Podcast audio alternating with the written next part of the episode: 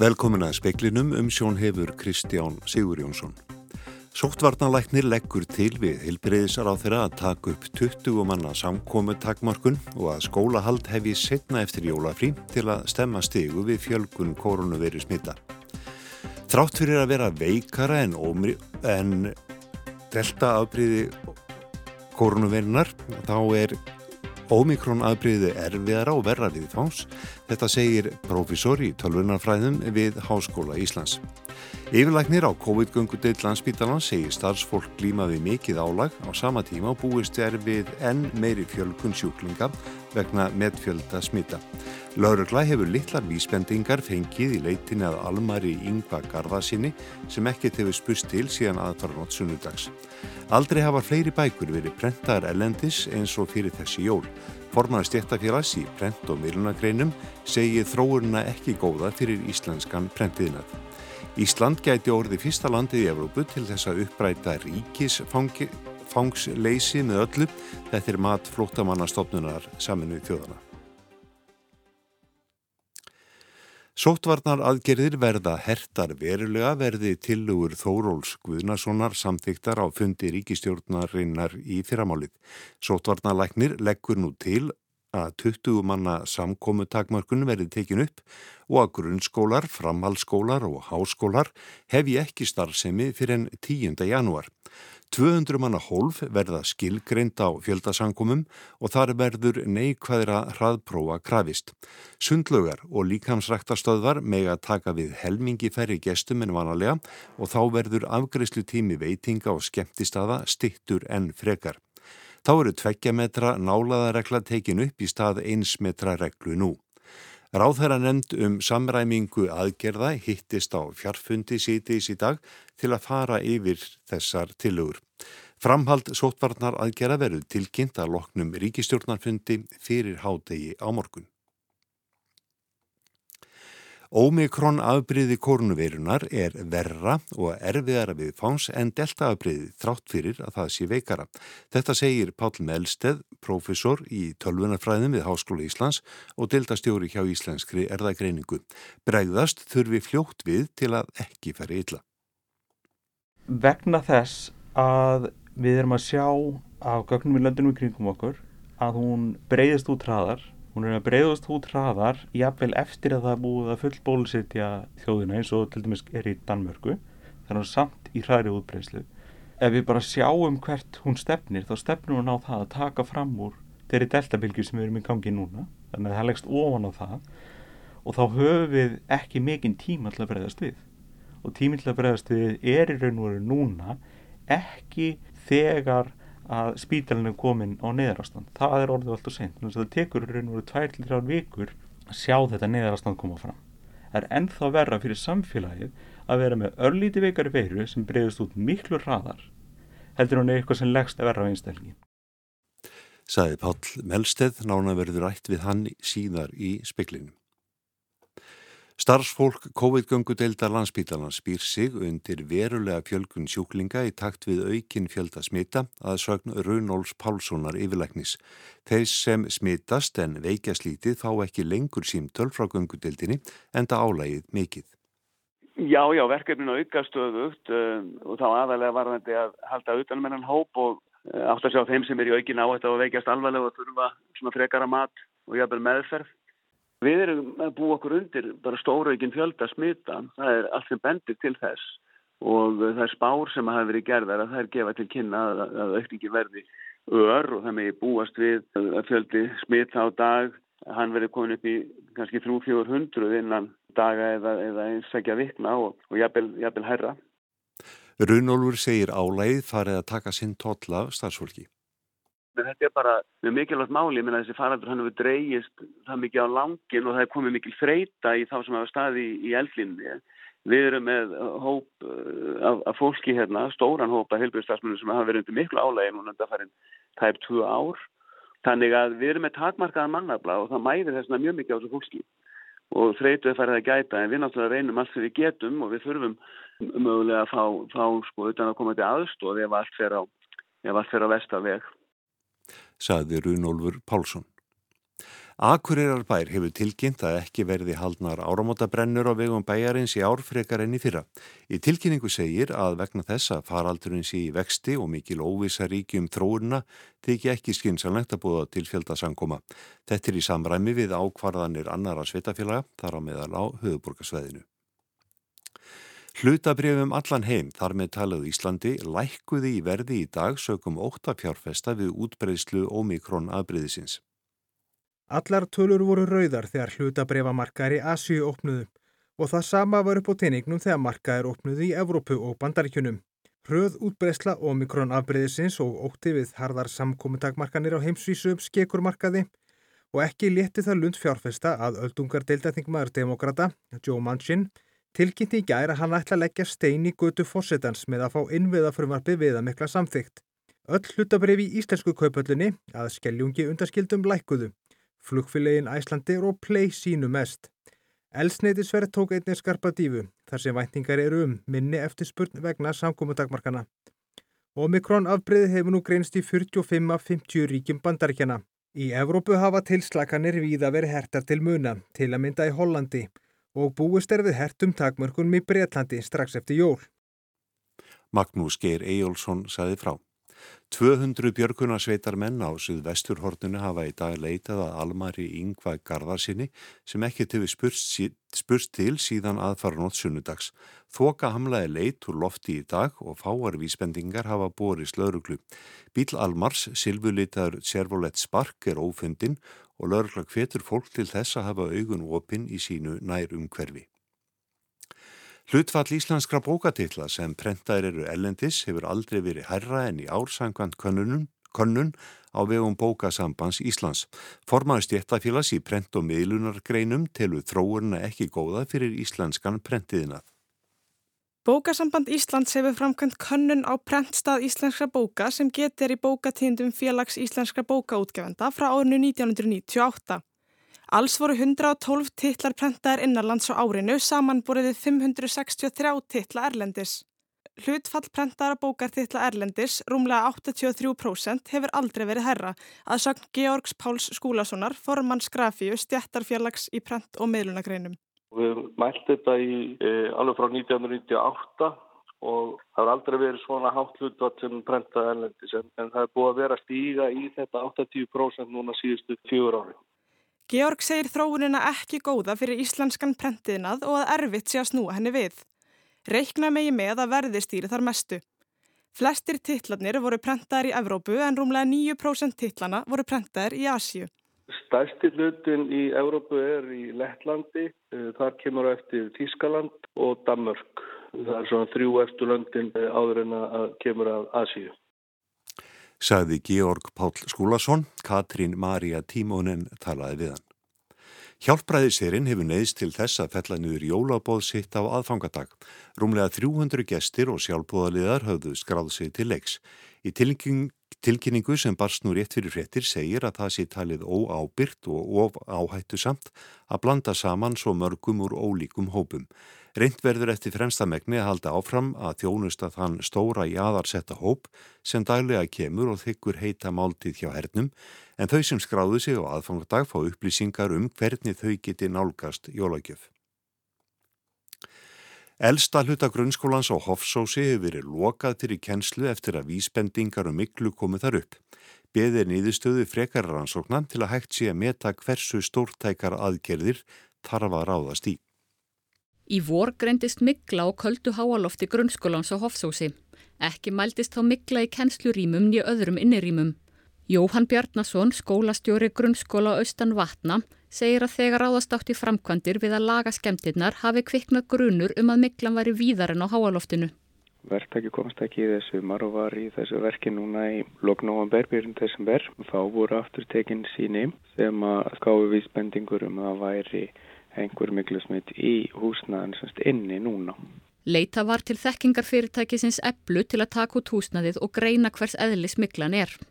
Það er búið að taka síni og þau eru í aðtugunum við vonandi fáum bara niðurstöru því næstu dag.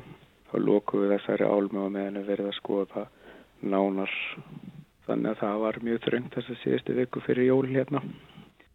Tæknidild sveitafélagsins byrjaði strax á aðgerðum við að reynsa og loka þeim rakaskemdum sem voru sínilegar. Jóhann segir erfitt að segja hversu umfangsmiklar aðgerðir þurfið að ráðast í. Á meðan ekki eru komnar nýðustöður sko þá veitum við ekki hvort það er nú að reynsa rýmið og það eru komið fyrr þennan leka hvort það verður óhætt að nota það áframformu vor eða hvort þetta kostar einhverju meira aðgerir. Saði Jóhann Bjarnason, Anna Þorbjörg Jónastóttir tók saman. Ekki verið gert hlýja á keppni í ennsku úrvalstildin í fótbóltæðum jóla áramót vegna fjölkunar kornu verið smita en mörgum leikjum hefur verið frestað undaförnum. Þetta var ákvið eftir fundarhöld í dag.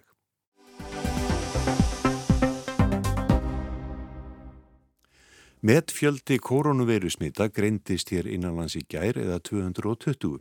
Bæði delta og omikron aðbriðin greindust. Veldis vöxtur hefur verið í omikron smitum í Damörku og Breitlandi undanfarna daga. Töföldunartímin er einungis rúmir tveir dagar sem er hraðari tími en þekst hefur í fyrri aðbriðum.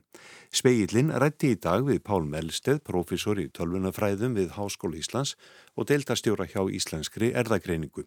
Hann fæst meðal annars við líf upplýsingafræði og hefur kynnt sér útbreyslu og mikron aðbriðisins í heiminum undanfarna daga afbreyðin sem eru í gangi núna hérna einnáðans eru mestmælgist alltaf en Omikron líka og við höfum verið að sjá út frá tölur sem að sótvarlækni verið að gefa út að Omikron er í vexti innanlands. Þetta er ekki búið að taka yfir hendina segja svo í löndum í kringum okkur eins og Danmark og Breitlandi en ef við lítum til þeirra landa þá sjáum við að vöxturinn þar er mjög hraður og voru ekki lengi að taka yfir þar. Þannig að við ættum að gera ráð fyrir því ef að engar fórsendu breytast inn einanlands að Omikron muni taka fram úr raun og veru bara á næstu vikum. Og þetta er aðbreyði sem að smittast mjög hratt? Já, þegar Omikron kom fyrst fram þá sáu við sem enn að það voru mjög mikið af stöðbreytingum í S-prótíninu sem er það prótín sem að vera náttúrulega bindast frumum líkamanns og það vakti ákveðin svona ugg og í kjölfarið þegar að smittin byrjuði að breyðast hraðar út fyrst í Suður Afriku og svo sáum við fyrstu tölur koma í Englandi að þá sást að það var gífileg fjölgun og einn svona mælikvarði sem við notum fyrir fjölgununa er til dæmis tvöföldunar tíminn, þar er að hversu lengi er heildarfjöldi tilfella að tvöfaldast. Og þannig að við förum frá 10 smittum upp í 20 smitt, 40 smitt og svo framvegis. Hvað er langur tímið þannig að milli? Og í Breitlandi er núna verið að mæla tvöföldarinn í svona cirka tveimur dögum. Og Tölurnar til dæmis frá London er að 86% af öllum tilfellur sem greinast þar núna eru omikron, 67% yfir heila í Breitlandi. Svipaðar tölur sjáum við í Danmörku, 12. desember voru það 20% tilfella, þremi dögur síðar, 15. desember, er það 50% og Danir eru til dæmis að mæla tvöfaldarinn tíman sem 2,3 daga, þannig að Þetta er raun og veru gríðalögu vöxtur og þetta er ofan á þá delta bylgjur sem er í gangi. Þannig að hér á landi við erum eiginlega bara býðið eftir sprengingu. Já, við getum raun og veru líkt þess að við svona sprettlöpara sem er í kappi vegna þess að það sem að delta gerir og það sem að omikron gerir er nokkuð en óhákur öru. Þetta er ekki nefni beinni samkeppni. Þannig að delta er með fórskoti í augnablikinu en ef þú lítur á að hjálpa þú að sem fyrir aftan þá einfallega er að hlaupa hraðar Þannig að ef ég á að veðja hver vinnur þá veðja ég alltaf á Omikron vegna þess að það hleypur hraðar ekkert og því eru undan. En nú er talað um að Omikron sé vægt afbríði. Fólk veikist ekki eins hastarlega eins og af öðrum afbríðum. Þetta er eitthvað sem kom fram í Suður Afriku fyrst til að byrja með og svo melduður þetta vandlega og þá sáðu þeir voru að spá fyrir um uh, 23% færri sjúkrós innlagnir. Það er ágætt að bara miða við það að segja hverju líkunum á því að þú leggist inn á sjúkrós eða þú farir delta eða þú farir omikron. Bretar er ekki að segja að þeir sjá henni mun á þessu. Danir aftur á móti er að sjá um svona helmingsmun. Það er að segja 0,7% omikron tilfellum leggast inn í spítala miða við 1,5% delta. Þessi sveibla sem við sjáum á byrju landa, hún er, það er alveg eðlilegt að við sjáum hana vegna þess að sjúgrás innlagnir og áhættar sjúgrásseglunum er svo rosalega aldursháð. Það er til dæmis, ef við tökum 30 ára versus 40 ára, þá er tvöföldun í áhættu sjúgrásseglunum aftur 40 versus 50 aftur tvöföldun. Þannig að bara aldursamsetningin getur valdi því að við sjáum þessar ólíku tölur. Þannig við þurfum að býða eftir aðeins betri gögnum þar sem við búum að taka tillit til aldursamsýningar á þeim sem er smittast til að sjá hver raunverulega áhrifin eru. Annað sem er áhrif þetta er staða bólusetningu. Við vitum til dæmis að við erum með 90% fullornum, við 77% þjóðinni eru full bólusett á Íslandi. Það er ekki alveg svona goðar tölur í Breitlandi en við erum með mjög sambaralegu tölur í Danmörku. Þannig að allt þetta mun hafa áhrif á hvort að fólk leggist inn á spítala. En hverjar verða afleðingarnar hér ef þetta fyrir á fullt? Sko ef þetta fyrir á fullt, fórsendur að breytast ekki neitt og við vitum að það er munu kannski að gera það vegna þess að það eru verið að fara að tilkynna takmarkanir. En gefum okkur það að við sjáum sama hlutvald spítaræðinarna eins og í Danmörk, það er að segja helmingur. Og við sjáum oftar um átti sama tvöfaldunar hlutvald sem eru cirka tveir dagar. Þá sjáum við að þessi afsláttur sem við fáum í sjúkurvöldsynlögum, 50%, við erum bara tvo daga að geta hann upp. Ef að Omikron fer á flug eins og þau er gert í Danmörku og Breitlandi. Og við erum ekkert mjög langt á eftir í dögum talið ég myndi segja að kannski viku tíu dagar sem við erum eftir á. Ef þetta heldur svona áfram, ef ekkert verður greipið inn í, að þá munum við sjá starri bylgu, eldur við sáum með Delta, sem var raun og veru nóg til að setja spítaluna hættu ástand og ef þessi spá gengur eftir, þá verður raun og veru komið nær því að, að spítalinu fari á neðar ástand og er hreinlega í kaff. Þú ert á meðmeltu því að það veri greipið til, já nokkuð strángra takmarkana? Já, e, við verðum að gera eitthvað og við erum með tvö mjög öllu vopp til þess að berjast við útbyrjuslega. Það er annars vegar bólusetning. Við hefum bólusett, full bólusett mjög stóran hluta af þjóðinni. Fyrstu tölur frá öðrum löndum er að benda til þess að þriðji bóluefnarskamtur er mjög mikilvæg til að sporna við útbyrjuslu ómikrón. Það er að segja að annar bóluefnarskamtur verist ekki vera nóg til þess að hemja fjölda smita. Þannig að það er eitthvað sem við þurfum auðvitað að fara að, að gefa í og vil hvetja alla sem hafa fengið búið um að fara í örfunlega skamt að, að þykja það búið.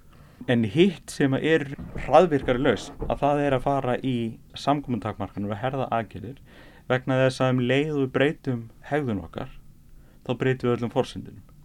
Og ég gerir ráð fyrir því að við mögum sjá töfaldunartíman aukast í Danmörku þar að segja við erum lengur að sjá paldra vaksa vegna þess að þeir eru að fara í mjög harrað aðgerðir. Það gengur svo langt að loka tífúli í gerð. En nú heyrast alltaf það rættir að þetta gangi nú ekki til lengdar að vera alltaf með þessar hörðu takmarkanir, það er meilhuti fólks er og stór meilhuti er bólusettur. Hversu lengi og langt á að ganga í að takmarka frelsi fólks? Sko, mínu mati þá, þá stoppar frelsi einstaklingsins við frelsi næsta einstaklings. Þannig að við höfum all mikilvæga samfélagslega ábyrð og það er rosalega mikið í þjóðfélagum sem við breytast vegna þess að áhættun á COVID En ef við lítum til baka þá séum við við höfum alltaf breytt hegðun okkar. Við höfum takmarka hversu margi með að fara ná veitikastæði út af brunavarnamálum. Þar höfum við bara lært af reynslinni.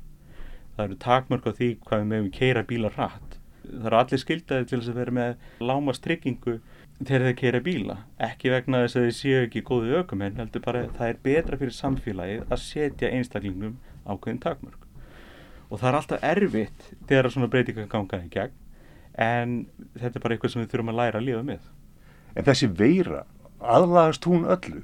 Hefur hún alltaf einhver triks til þess að koma fram með einhverjum nýjum hætti? Já, og ég verði að segja að þetta nýjasta triks á Omikron að, að því er virðist valda kannski minni á þetta sjúkróðseinlugnum það er mjög flott triks, það er svona gappreyfing hvernig þess að okkur finnst að þetta er búið, þetta er veikjast, við þurfum ekki að áhugjur en á sama tíma út af því að hún breyðir svo miklu hraðar þá er það raun og verið ennþá verra. Það er ennþá verra fyrir samfélagið að vera með örlíti veikari veiru sem breyðist út miklu hraðar heldur hún eitthvað sem leggst að verra á einstælgin Pál, þú sagðir í, í fæslu sem við settir á Facebook að Omikron veiran hún yrði erfiðari viðregnar heldur en delta. Og því þurftum að bregðast fljótar við. Svona í stuttimáli, af hverju? Vegna þess að við erum að sjá á gögnum í löndunum í kringum okkur að hún breyðist út hraðar. Hún er að breyðast út hraðar jafnvel eftir að það búið að full bólusetja þjóðina eins og til dæmis er í Danmörku. Þannig að samt í hraðri útbreyslu ef við bara sjáum hvert hún stefnir þá stefnir hún á það að taka fram úr þeirri deltabilgju sem við erum í gangi núna þannig að það leggst ofan á það. Og þá höfum við ekki mikinn tíma til að breyðast við. Og tíminn til að bregðast við er í raun og veru núna ekki þegar að spítalinn er komin á neðarastand það er orðið allt og sent það tekur í raun og veru 2-3 vikur að sjá þetta neðarastand koma fram. Sagði Pál Melsteð, professor í tölvunanfræðum við Háskóla Íslands og dildastjóri hjá Íslenskri erðagreiningu.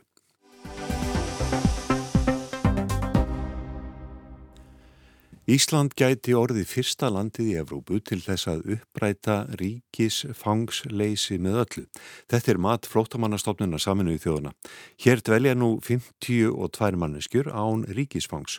Talskonastofnunarinnar á Norðurlöndum og í Eistrasaltslöndunum segir mikilvægt að tryggja betur réttindi ríkinsfangslausra barna á Íslandi. This is something we are taken for granted. This is something we don't think about. Elisabeth Haslund, talsmaður flóttamannastofnunar saminuðu þjóðuna á Norðurlöndunum og í Eistarsaltslöndunum, segir að margir takir réttinum til ríkisfangs sem sjálfsögðum hlut. Miljónir manna eru án ríkisfangs, 4,2 miljónir eru skráðar ríkisfangslausar en flóttamannastofnun saminuðu þjóðana segir hópin mun stærri. Það geta verið margar ástæður fyrir því að fólk er án ríkisfangs. Ef þú getur ekki sínt fram á fæðingarvottorð vill ríkið sem þú fættist í kannski ekkert með þið hafa. Þetta er ástæða þess að fjöldi rómabarna og balkanskaga er án ríkisfangs. Uppstokkun landamæra getur leitt til þess að stórir hópar missa ríkisfangsitt. Þannig eru yfir 200.000 án ríkisfangs í Lettlandi sem mistu ríkisfangi eftir fall Sovjetríkjana. Börn erfa ríkisfangsleysi fóreldra sinna kerfisbundin mismunun getur haft mikið að segja og svo ymsar lagaflækjur og gloppur í stjórnsíslu innan ríkja eða á milliðra. Ríkisfangslust fólk lifir og hærist á jæðri samfélaga og skortir í raun mikilvægasta réttin af öllum, réttin til réttinda. Ríkisborgarrétturinn er nefnilega forsenda svo ótrúlega margs. Basic rights and basic services that we, with a passport, we all have them, they don't. And there is also the more emotional implication of not feeling that you belong, that no country sees you as a citizen. Maha Mamo tilherði þessum hópi sem hverki tilherir. Hún fættist í Líbanon árið 1988, foreldrarinnar eru frá Sýrlandi. Móðurinnar er múslimi en fadirinnar kristinn og í Sýrlandi er bannað að giftast einhverjum af annari trú. Hún og sískinni hennar auðluðust aldrei ríkisborgarrétt því foreldrar þeirra fengu hjónabandið hvergi skráð og lög komi í veg fyrir að þau getu fengið ríkisfang móður sinnar.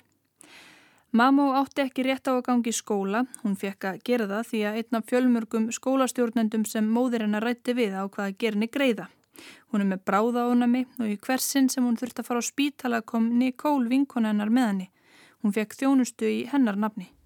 I remember one day Nicole showed me a passport, a vaccination passport of her own dog. Her dog had the right for medical care. I didn't, neither my brother nor my sister. The smallest thing every single day reminded me over and over that I'm stateless person. Going to buy a SIM card or going to a club to enjoy with your friends? The first question, where is your document? Sama vinkona síndi henni bólusetningaskýrtinni gefið út í nafni hundsins hennar. Hundurinn átti rétt á heilbriðistjónustu, segir mamma, ekki ég. Hún hafi allstaðar rekið sig á ríkisfangsleysið þegar hún ætlaði að kaupa kort í síman og þegar hún fór út að skemta sér með vinum sínum.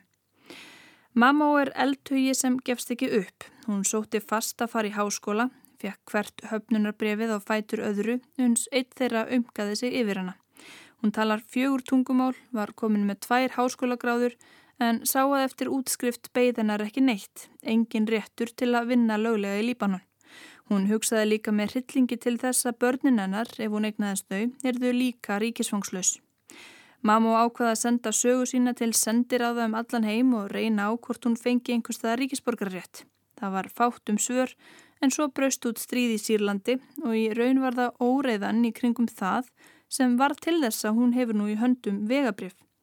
Árið 2014 opnaði Brasilia landamæri sín fyrir sírlenskum flótamönnum og mamma og sískinni hennar fengu dvalarlefi af mannúðar ástæðum. Fjórum árum setna, árið 2018, var ríkisborgararétturinn langþráði í höfn. With this amazing, lovely Brazilian passport. Saga Mamó endaði vel. Aðrir eru enni í skugganum réttindalausir eða með minni réttindi en aðrir. Það kemur kannski á óvart en á Norðurlöndunum erum 40.000 manns án ríkisfangs. Þar af 27.000 í Svíþjóð og 52 á Íslandi. Elisabeth Haslund segir að þetta fólk sé ekki endilega frjálst ferðar sinna, geti kannski ekki opnað bankareikning. A lot of practical consequences in, in their daily lives. Árið 2014 hrindi flótamannastofnun saminuðu þjóðuna af stað átækinu I belong eða ég tilheri. I think it was a very ambitious goal. Marki var sett hátt, kannski of hátt, að uppræta ríkisfangsleysi innan tíu ára. Haslund segir að metnaðurinn hafi skilað árangri. Á þessum tíma hafi tekist að leysa úr vanda 800.000 ríkisfangslausra um allan heim. Þá hafi mið Asjúríkið Kyrkistan lift grettistæki og orðið fyrsta ríki heims til þess að greiða úr vanda allra ríkisfangslausra í landinu. Nú eru þrjú ár til stefnu og enn langt í landa sögn Haslund. Glufurnar eru ímsar og ljósta ríki þurfi að gera betur. Because this is a man-made problem that can be solved by policy changes and by legislation changes. This is how we solve it and it is solvable, but it requires the political will. Þetta sé nefnilega manngerður vandi sem megi leysa með laga og stefnubreitingum og pólitískum vilja. Ísland gæti að mati Haslund orðið næst og eftir Kyrkistan að uppræta þetta vandamál. We have the possibility of Iceland becoming the second country in the world, the first country in Europe to resolve all cases. Þróunin hafi verið rétt átt, stjórnvöld hér hafi fullgilt sáttmála saminnið þjóðuna um ríkisfangsleysi og gert ymsar lagabreitingar og innleitt verklag við að bera kennsla á ríkisfangslust fólk sem flýringa til lands en meira þurfi til. Ríkisfangslust fólk kemur yngar sem flótamenn, ég leita alþjóðleiri vernd eða vernd á grundvelli samningsum réttarstöðu ríkisfangslausra frá árinu 1954. Haslund segir að það þurfa að gera ferlið við að fá ríkisborgarrétt einfaldara og sveianlegra fyrir ríkisfangslaust fólk. Hún nefnir líka sérstaklega stöðu barna sem fæðast hér eða koma hinga ríkisfangslaus. Þau get ekki öðlast ríkisborgarrétt fyrir en eftir þryggja ára samfelda dvöl í landinu. Flótamannastofnin vilji sjá breytingar þar. So that we completely uh, avoid those situations where children are stateless even for a small period of time. They should not be stateless. They should have a nationality because that is their right. Ekkert barn eigi að vera ríkisfangslaust, ekki einu sinni í stuttan tíma. En hvernig upprættir Ísland ríkisfangsleysi með því að útvega þessum 52 ríkisborgararétt á einu bretti? Uh, to just grant them citizenship. Well, of course, if we need to solve these cases of statelessness, these people need to become citizens. But I think it's really important to look at each case individually. Haslund segir ríkisborgarréttin líkil atriði. Það dugi ekki að veita takmörkuð réttindi eins og dvalarleifi. Skoða þurfi mál hvers og eins sérstaklega. Spurningin er þá hvernig. Það segir sér sjálft að ríkisfangslust fólk er ofta ekki með neina pappira til að sanna deila á sér. Í þessum tilvikum mælir Haslund með því að stjórnvöld kynni sér stöðu minni hlutahópa og laga um hverfi í landinu sem fólki dvaldi áður. Það var Arnildur Haldanadóttir sem talaði þarna við Elisabeth Haslund. Það var helst í speklinu hjá, speklinu hjá okkur í kvöld að sóttvarnalæknir leggur til við hilbreyðisráþra að taka upp 20 manna samkomu takmörkun og að skólahald hefjist setna eftir jólafrí til að stemma stegu við fjölgun kornuveri smita. 200 manna hól verða skilgrind á fjöld samkomum og þar verður neikvæðra hraðprófa krafist. Sundlugar og líkamsrektarstöðar með að taka við helmingi færri gestum en vanalega og þá verður afgriðslu tími veitinga og skemmtist aða stittur en frekar. Þetta eru tilugur sótvarnarlæknis en ríkistjórnin ákveður nýjar sótvarnarreglur og tilkynni þær að loknum ríkistjórnafundi fyrir hátegi á morgun. Ómikrón afbríði koronavirunar er verra og erfiðara viðfangs en delta afbríði þrátt fyrir að það sé veikara. Bregðast þurfi fljótt við til að ekki fari illa. Þetta segir profesor í tölvunafræðum við Háskóla Íslands. Yfirlæknir á COVID-göngudild landsbytaran segir starfsfólk líma við mikið álag á sama tíma og búist er við enn meiri fjölgun sjúklinga vegna með fjölda smita. Hjálpræðiserinn hefur neist til þess að fellanur jólabóð sitt á aðfangadag, rúmlega 200 gestir og sjálfbóðaliðar höfðu skráð sig til leiks. Fleiri ekki í speiklinum í kvöld, tæknimaður var Mark Eldred, veriði sæl.